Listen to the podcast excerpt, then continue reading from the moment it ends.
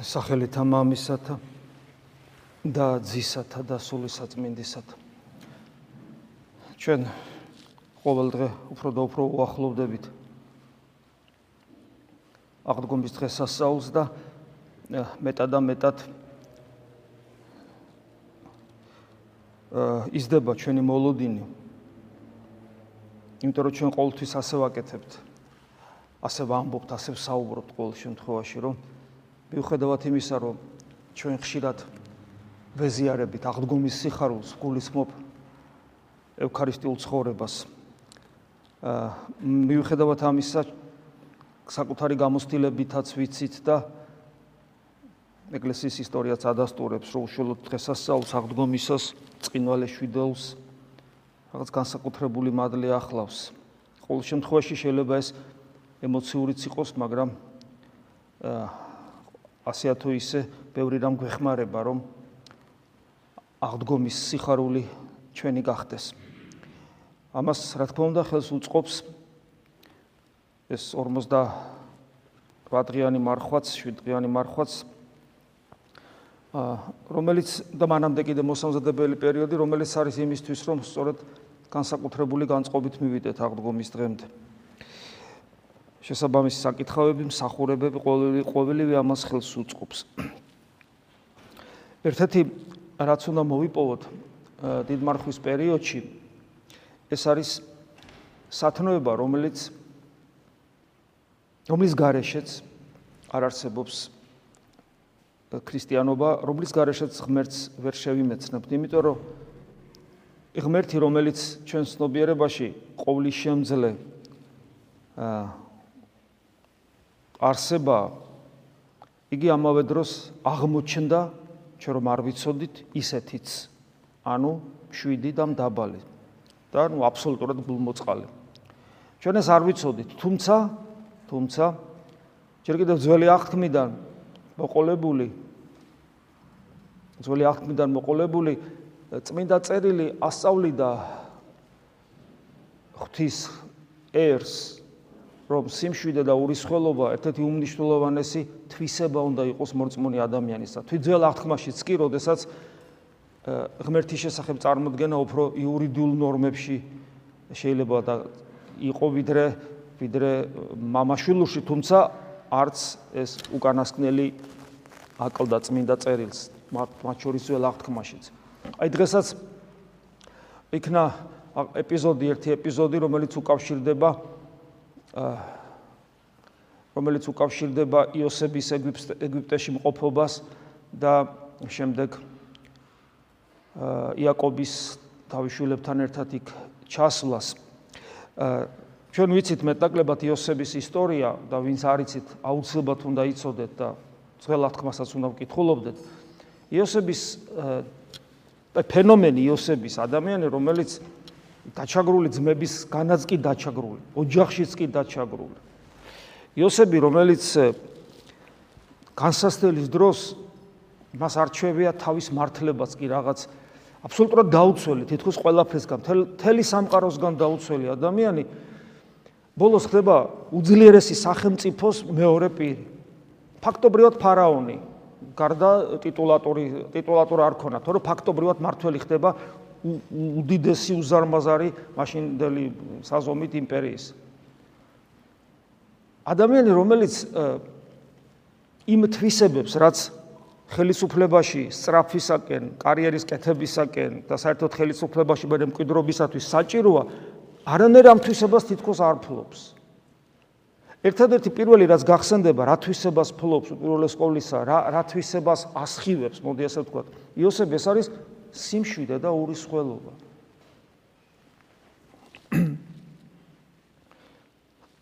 არადა ჩვენი დამოკიდებულება, ჩვენ თეორიულად ეს შეიძლება ვიცოდეთ, მაგრამ ჩვენი დამოკიდებულება საერთოდ ჩვენი ცხოვრებისადმი, ჩვენი საკუთარი ცხოვრებისადმი აბსოლუტურად განსხვავებულია.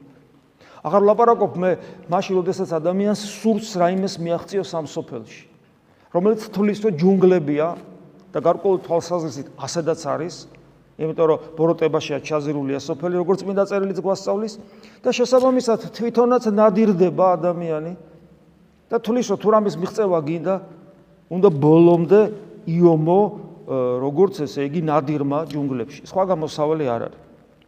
მაგრამ წმინდა წერილი ახაც ახაც გვეხმარება და აი დღესაც ჩვენ იგავნი იოსების და იაკობის ისტორიასაც საწინამას საწინამას საწინასწარმეტყველოში კითხულობდით დღეს აღმოგვიკითხეს და ასევე იგავნიდაც აღმოგვიკითხეს შემდეგი სიტყვები რომ არ უნდა გშურდეს ბოროტი ადამიანების მათთან ყოფნის სურვილი არ უნდა გქონდეს. ანუ მათთან აი ეს მიტმასნება ესე ვთქვათ რომ იმათი ძალით ჩვენს გავძლიერდეთ.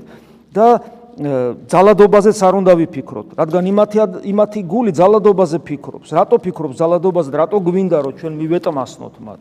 იმიტომ რომ ვფიქრობთ ხშირად რომ ამით ჩვენ ჩვენ ცხოვრებას მოვიწყობთ და გავიკეთილშობილებთ და კომფორტულად და მივაღწევთ ჩვენ საწადელს და ასე შემდეგ. თუმცა ეს თლიანად ეწინააღმდეგება ზოგადად წმინდა წერილსაც და ძველ აღთქმას, ძველი აღთქმის მაგალითები მოვიყვანეთ აგერ, მაგრამ ამავე დროს ასთავარი ეწინააღმდეგება თავად მაცხოვრის სიტყვებს, რომელიც ამბობს, რომ ნეტარიყვნენ შვიდნი, ამე თუ მათ დაიმკვიდრონ ქვეყანა.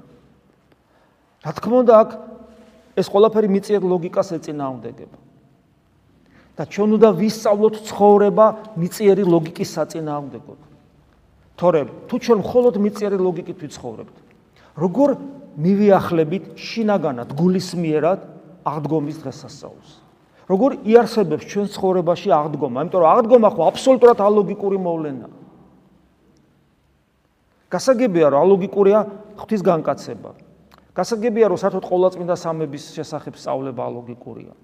და ბევრი რამეა ალოგიკური ქრისტიანობაში. ალოგიკურია ზნეობრივი, თქვათ, მოწოდებები უფლისა, რომ სიკეთესა და ბოროტების შეფასება და ასე შემდეგ. ძალიან ბევრი ალოგიკურია. მაგრამ იცით როგორ არის? ეს შეიძლება ჩვენ დოქტრინალურად მივიღოთ. ღვთისმეტყველების წვერვალებით და აი რაღაც ესეთი უმშვენიერესი ღვთისმეტყველებით რომელსაც ყოლაწმინდა რომელსაც ყოლაწმინდა სამების ღვთისმეტყველება ქვია რომელიც იძლევა საშუალებას ვთქვათ რომ ღმერთის სიყვარულია. რა თქმა უნდა ამით შეიძლება დავტკბეთ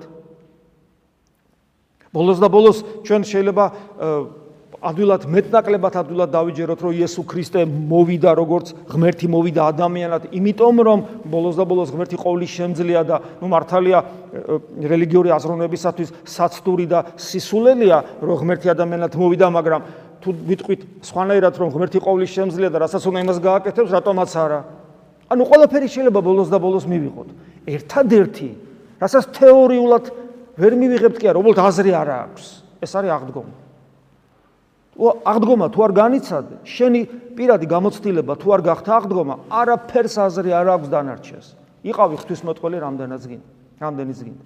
იმიტომ რომ აღდგომა ის არის ის, რომელიც ცვლის რეალურად ჩვენს ცხოვრებას. იმიტომაც ამბობს პავლე მოციქული. სულ ვიმეორებთ ამას. თუ ჩვენ ჩვენთვის, მე ვამატებ ჩვენთვის, მაგრამ პავლე მოციქული ზოგადად ამბობს და ამბობს რატომ? იმიტომ რომ რას დაიწერა, ჩვენ სამოძღვრებლად დაიწერა მისივე სიტყვებია. დიახაც თუ ჩვენთვის აღდგომა არ არის, მაშინ ჩვენ ყველა საცოდავი ადამიანები ვართ, დასაცინი მართლა. რას ვაკეთებთ? რისთვის მოსულვათ? რა გვინდა?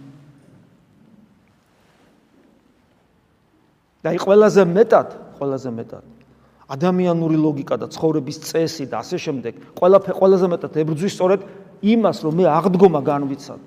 ამიტომაც იყო რომ უფლის მე ადრეს გითქვავს ხო? უფლის დაბადების მომსწრე ბევრი ბევრი იყო და ასე შემდეგ ისრაელში და ბევრი უსმენდა ბევრი ხედავდა და ასე შემდეგ ბევრი მოწაფე წავდა მაგრამ აღდგომა მისი აღდგომა ყველამ ვერ ნახა და მრავალი შეურგულდა როგორც წმინდა წერილი გვაცნობს. მეરે მოწაფე იყო და აღდგომა ვერ მიიღო. ჩვენ ხედავთ ამას თვით 12 მოციქულიშიც კი მაგრამ შემდეგ წმინდა წერილი გეუბნება რომ მრავალი შეურგულდა. ანუ ბოლომდე ვერ მიიღო. იმიტომ რომ აღდგომის მიღება ესე პირდაპირ ლოგიკით ადამიანური ცნობიერებით ადამიანური სენსორიკით თვალებით ყურით სმენით პრინციპში შეუძლებელი. ამის მაგალითები წმინდა წერილში ძალიან ბევრია.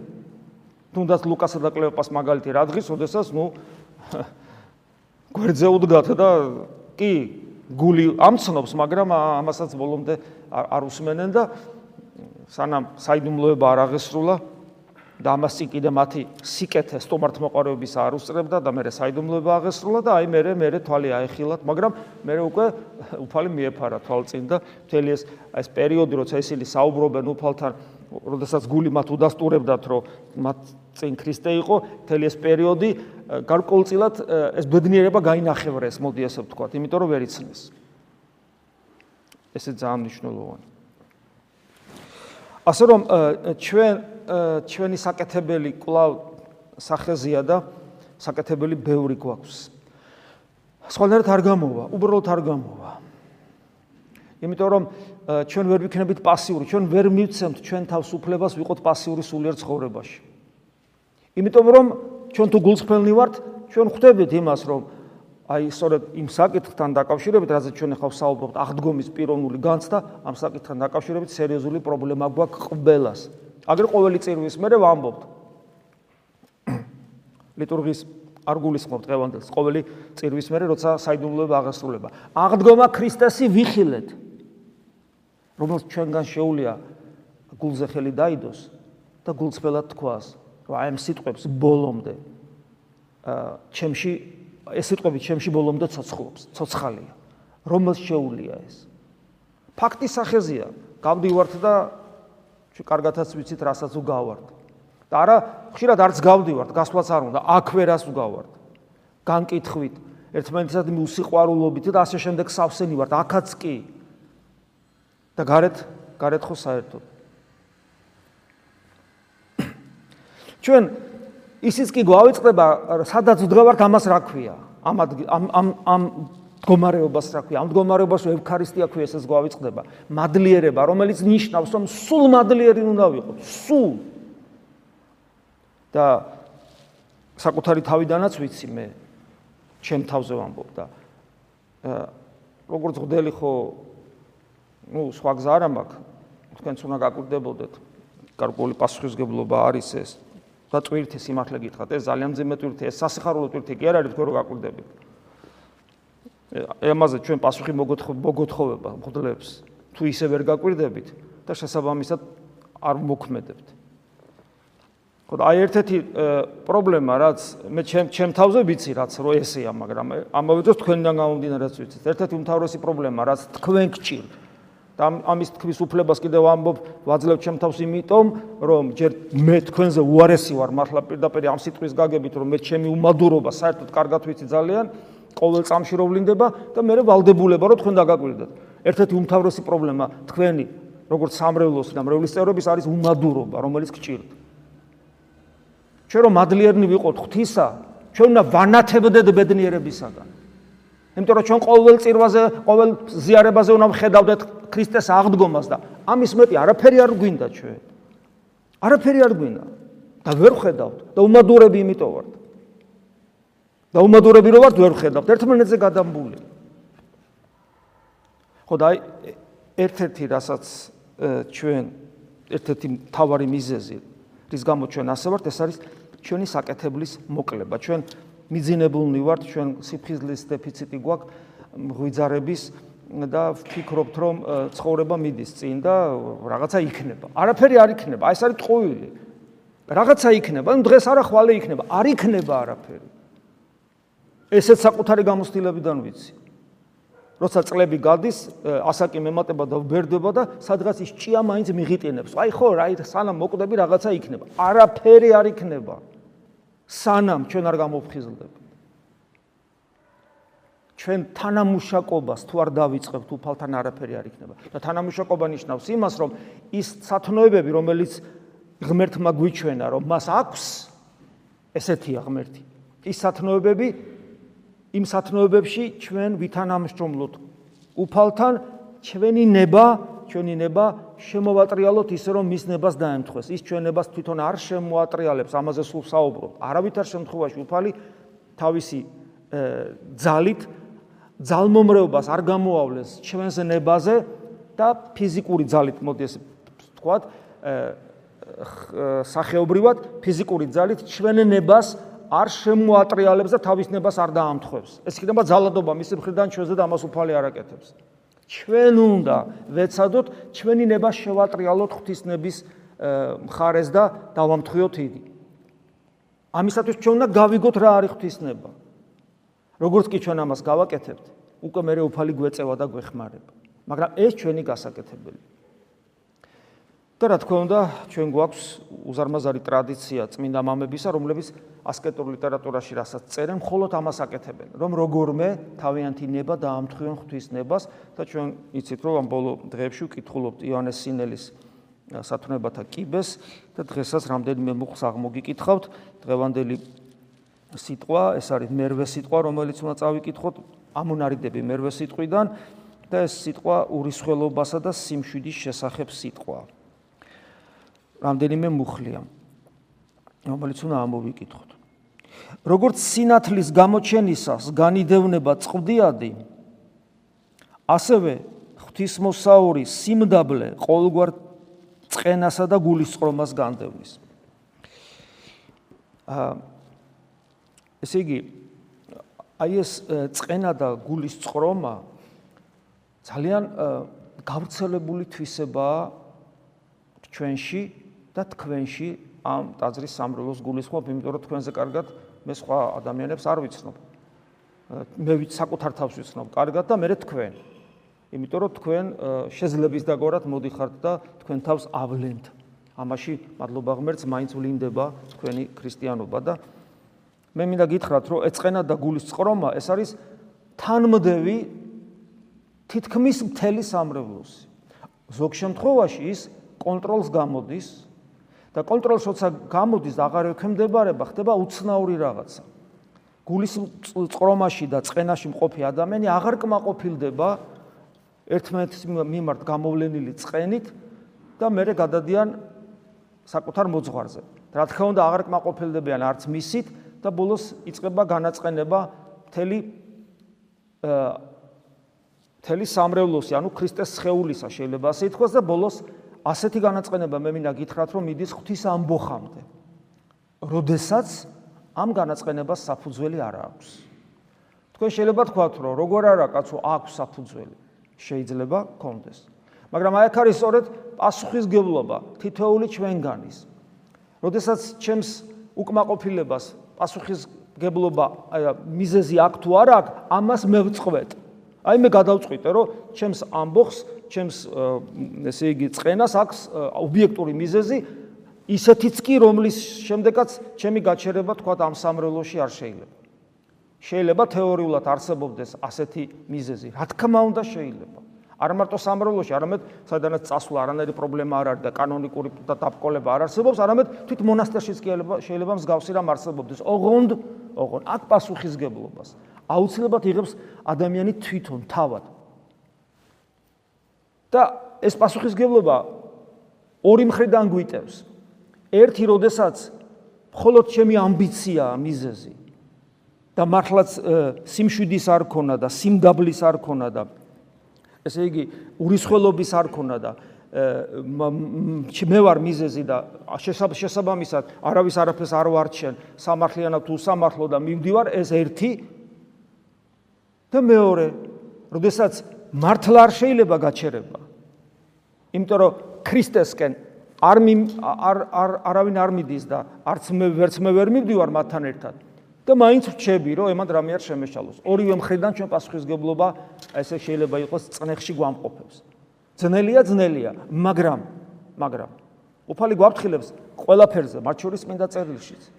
და წმინდა მამების გვაფრთხილებს, იგივე იონეს სინელი, გახსოვთ მოძღვრის შესახებ რო ვკითხულობთ. ერთ შემთხვევაში გვეუბნება რომ მოძღვარი უნდა აირჩიო და მეორე შემთხვევაში და ფრთხილად იყო და მორჩილებაზე რამდენ საუბრობს და და მეორე შემთხვევაში გვეუბნება რომ თუ მოძღვარი ის არ არის ვინც უნდა იყოს უნდა განეშორო და ორივე ორივე ჩვენი გასაკეთებელი და გადასაწყვეტია არაფერი ისი არ მძულს მონანულს ისი არაფერი ისი არ ზულს მონანულს როგორც გულფიცხელობისაგან აღშფოთება რადგან სინანული უდიდეს სიმდაბლეს ითხოვს. ხოლო გულფიცხობა უდიდესი თავმაღლობის ნიშანია. აი ჩვენ ერთი რამე ნამდვილად ვიცით რომ თუ სინანული არ აქვს ჩვენ ქრისტიანობას ფასი არ აქვს. ესე იგი სინანული აუცილებლად უნდა გქონდეს. მაგრამ გულფიცხელობა, ანუ მრისხანება, მრისხანება თავმაღლობის ნიშანიაო, სიმდაბლის საწინააღმდეგოა. ამიტომაც ჩვენ სულ ამბობთ ამის შესახებ, რომ შენი სიტყვა სამართლიანიც რომ იყოს, სამართლიანიც რომ იყოს და აუცილებელიც რომ იყოს. შენი პოზიცია ხისტა და მკაცრათას დააფიქსირო, მხოლოდ და მხოლოდ მაშინ აქვს მას გამართლება, როდესაც ის აღესრულება პედაგოგიური მოსაზრებით და აი ამ გარეგან რისხანებაში მოდი ესე ვთქვა, გარეგან ხმამაღლობაში და სიხისტეში გული არ მონაწილეობს. არ მონაწილეობს გული. ეს არის მხოლოდ და მხოლოდ პედაგოგიური მოსაზრებით გაკეთებული. იმიტომ რომ მონანული, მონანული ვერ იქნები თუ ჭეშმარიტი გულის მიერი აღშფოთება გვაქვს, გულფიცხობა გვაქვს.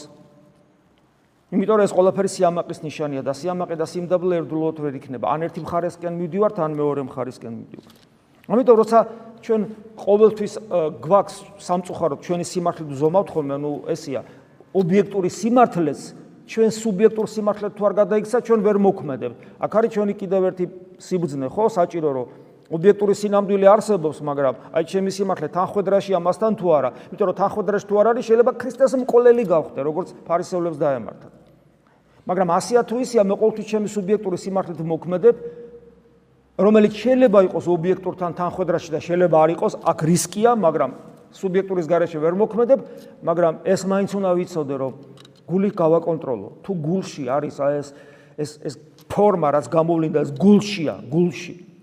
სიამაყე, რომელსაც ზულს ადამიანი არ შეიძლება სიამაყეს ვინმე უყვარდეს, როდესაც ეს არის, მაშინ ესე იგი თუნდაც 100%-იანი ჩემი სუბიექტური სიმართლე ობიექტურთან თანხwebdriverში იყოს, მე მაინც თქვანი გამოვდივარ. ყველა შემთხვევაში. შემდეგი მუხლი ასეთია: თუ კი სული წმინდა იწოდება და არის კიდევაც სიმშვიდე სულთა, ხოლო მრისხანება აღშფოთება გულისა, არაფერი ისი არ დააპკოლებს ჩვენში სულიწმიდის დამკვიდრებას როგორც მრისხანება. ну ეს თახლობით იგივეა რასაც საუბრობდით და სულიწმინდა სულიწმინდა ღმერთი რომ ჩვენში მკვიდრობდეს ჩვენში საჭიროა ქრისტეს დიდება. ანუ ქრისტე თუ არ იდიდება გახსოვთ მოციქული გვასწავლის. სულიწმინდა არ იყო მოცემული იმიტომ რომ ქრისტე არ იყო დიდებული. ეს ზოგადად. თითოეულ ჩვენგანში ხო უნდა რეალიზდეს ეს ესე იგი ჩემში ქრისტეს დიდება თუ არ ხდება, სული წმინდა ღმერთი ჩემ გულში არ მკვიდრდება. ქრისტეს დიდება რას ნიშნავს? თუ მე მას არ ვბაძავ, იმაში რასაც ის ჩემგან ითხოვს, ისწავლეთ ჩემგან შვიდვარდამ დაბალგულით. ესე იგი თუ ჩემი აი გულის სიფხიზლე და მღვიძარება, ხო? სულ მუდამ ვაკონტროლებ საკუთარ გულს. ესე უნდა ვიყო, ხო? როგორც კი გამოვდივარ სიმშვიდის და სიმდაბლის მდგომარეობიდან, ესე იგი ჩემში ქრისტე არ იდიდება, ჩემი გული განდევნის სული წმინდა ღმერთს, რომელიც გარეშეც მე ეკლესიის წევრი ვერ ვარ.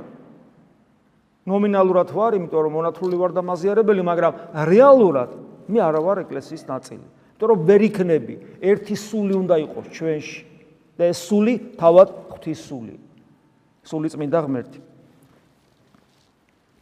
და კიდევ ერთი მუხლი, რომელსაც დღეს აღმოგიკითხავთ ამ თავში, მეტად უნდა ვუფრთხოდეთ და გავურბოდეთ ამ გველს. ნახეთ, რას უწოდებს მრისხანებას? გველს უწოდებს. იოსების სიკასტის სიტყვები გამახსენდა, რომელიც ამბობს, რომ ეს გველი მრისხანებისა სულ ცდილობს ამოსვლას. და როგორ ამოდის გველი? გველი ამოდის გახმოვანებული სიტყვით. სიტყვით. და როდესაც გზნობ, რომ ეგ სიტყვა პედაგოგიური კი არ არის, არამედ გულიდან ამოდის, იონე იოსების სიკასტე გვეუბნება რომ პირი მოკუმეო და არ მისცე გველს პირიდან გამოსვლის საშუალება.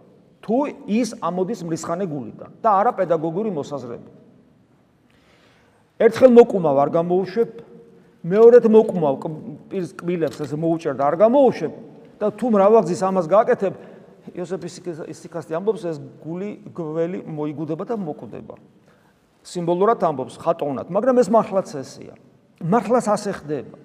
ანუ ჩვენ აი ნახეთ როგორ თანამშრომლობთ. ადამიანს ხوار შეუძლია თავის-თავის განწმედა, თავის-თავის მეორეჩობა, მაგრამ თანამშრომლობა შეუძლია ქრისტესთან და ამ თანამშრომლობის შედეგი არის ის, მაგალითად ამ შემთხვევაში, რომ გველი მოკვდება, თორე ქრისტეს გარეშე ეს გველი არ მოკვდება, მაგრამ აი თანამშრომლობით ღმერთთან ერთად მოკვდება. ამიტომ მეტად უნდა ვურთხოვდეთ და გავურბოდეთ ამ გველს, მრისხანებას და კიდევ ერთ რამეს უწოდებს გულს ავმეხსიერებას. აი კიდევ ერთი ნიშანი, რა შემთხვევაში შეიძლება მივხვდეთ, რომ სიტყვა, რომელსაც მე ვამბობ, არის არა პედაგოგიური მოსაზრებით ნათქვამი, არამედ ესე იგი მრისხანებით. და აი ი ყველაფერი მწუდით, რასაც ვსაუბრობთ. ანუ როცა გველი ხდება ეს. ავმეხსიერება. რა არის ავმეხსიერება? სამართლიანად გავბრაზდი მე შენზე, სამართლიანად ღირსი ხარ ამ გაბრაზების, იმიტომ რომ ეს შენ გჭირდება კიდევაც. შენ გჭირდება, იმიტომ რომ სიყვარული არ არის თავზე ხელის გადასმა სულ და სიყვარული არ არის ტკბილი ნამცხვარი. სიყვარული ხანდახან ძალიან მწარეა. და ამიტომ შენ ეს გჭირდება, შენთვის ეს სასარგებლოა. მაგრამ მე ჩემ გულს ვატყობ, რომ ჩემი გული არ წყნარდება. მიუხედავად იმისა, რომ შენ წამალი მოგეცი, ჩემი გული არ წნარდება, ჩემ გულს არ უყვარ ხარ შენ და მეტი შეიძლება ზულ ხარ კიდევაც. ეს არის ავმეხსიერება. ანუ ავმეხსიერება მრისხარნებასთან ერთად არის გველი, რომელიც არ უნდა გამოუშვა, კბილები მოკუმო და არ მისცე მას სუნთქვის საშუალება გარეთ. ის რაც მეტად ამოუშვებ, რაც ხშირად და ხშირად ამოვა, მეტად და მეტად იზრდება, ძლიერდება და მძლავრი ხდება. და მე საბოლოო ჯამში დამიმონებს. მეტად უნდა ვუფრთხოდეთ ესე იგი და გაურბოდეთ ამ გველს მრისხანებისა და ამეხსიერებისა, რადგან მას ისევე როგორც ხორციელვნებათა გველს და ძალიან საინტერესოა. ხორციელთა ვნებათა გველი ეს არის პრინციპში სიამეთ მოყარეობა, სიძვა, გემოთ მოყარეობა და ასე შემდეგ. ის რაც ხორცს სიამოვნებს. და რაც თუ არ ავლაგმე, უბრალოდ პირუტყვი გავხდები. მაგრამ თურმე ჩვენ ბუნებას გარდა აი ამ ხორციელი სიამოვნებისა, რომელიც ჩვენი დაცემული ბუნებისათვის ბუნებრივია, ბუნება ყავს. შემწეთო, ასევე ამ რისხანებასაც და ამხსიერებასაც ბუნება ყავს. შემწე, ოღონ ამ შემთხვევაში ჩემი სული ეგოიზმით, ანგარებით და სიამაყით და ამპარტავნებით სავსე, დემონური მდგომარეობა. ხედავთ როგორი საშნელ მდგომარეობაშია დაცემული ადამიანი, რომ ბუნება ყავს შემწეთ, ანუ ხორციელი ბუნება ცხოველური მიდრეკილებებით არის ახსავსე, ხოლო სულიერი ბუნება ჩვენი დემონური მიდრეკილებებით არის ახსავსე და ასე ძალიან ბევრი წმინდა მამა საუბრობს, პირდაპირ ამბობენ ადამიანი, რომელიც უქრისტეოდ ცხოვრობს, იგი ემსგავსება ცხოველს უკეთეს შემთხვევაში და უარეს შემთხვევაში ეშმაკს. აი ეს არის საბოლოო ჯამში ناყოფი ანუ დემონური და პირუტყული მდგომარეობა ჩვენი იმ შემთხვევაში, ჩვენი არასწორი მოღვაწეობის შემთხვევაში და ამ დროს თან ყველაზე ცუდი ის არის, რომ ადამიანი პარალელურად შეიძლება იყოს ეკლესიის წევრი და სხვათა შორის აქტიური. ადრეს მithქვავს კიდევ ერთხელ გავიმეორებ. ჩემს პირველ რიგში საკუთარ თავს ეკუთვნის, ჩემ თავს ეკუთვნის ეს ყველაფერი. იმიტომ რომ აი რასაც საუბრობ, ჩემთვის არაფერი უცხო არ არის, მათ შორის ეს ამიხსერებაც, მრისხანებაც, ეს უბედურებაც. და კიდევ ერთი ჩემი ვალდებულებიდან გამომდინარე, ჩემს პატარა სამღვდელო პრაქტიკაში ინახავს სამწუხაროდ ადამიანები, მათ შორის ჩვენ სამრევლოშიც დღეს თითქმის აღარ არიან ასეთნი, ყოველ შემთხვევაში ძალიან ძალიან ანუ ერთია როცა წყლული გამო გამოვა ცოტათი და თავს გაიკეთებს და. მეორეა როდესაც ძალიან ძირმაგარად იქცევა და ჩირქს ღვრის და ყარს უკაცრავად ამ სიტყვაზე, როცა უკვე აი მაქსიმალურად გამოავლეს თავს. ასეთი მაგალითებიც ყოფილა, მადლობა ღმერთს, დღეს მე ამათ ვერ ხედავ. იმედი მაქვს, რომ სხვაგან თავს გადაიჩენენ, მაგრამ უბრალოდ მაგალითად ვიტყვი, რომ ადამიანი შეიძლება ყველაფერს აკეთებდეს იმ დონეზე, რომ რჩევაც ვეღარ მისცე, ადრეს გითხარით მე. იმიტომ რომ ადამიანი რომ სულიერად ვერ ვითარდება, რა რჩევას ვაძლევთ ჩვენ? ვეუბნებით რომ წმინდა წერილი იკითხე, წმინდა მამები იკითხე, ილოცე, თქვა ღვაწლი გქონდეს, იმარხულე ქველმოქმედება და ასე შემდეგ, ის სათნოებები, რომელიც ჩვენ რითაც უფალს ვბაძავთ ვემსგავსებით, ამ დროს ადამიანი ყველაფერს აკეთებს.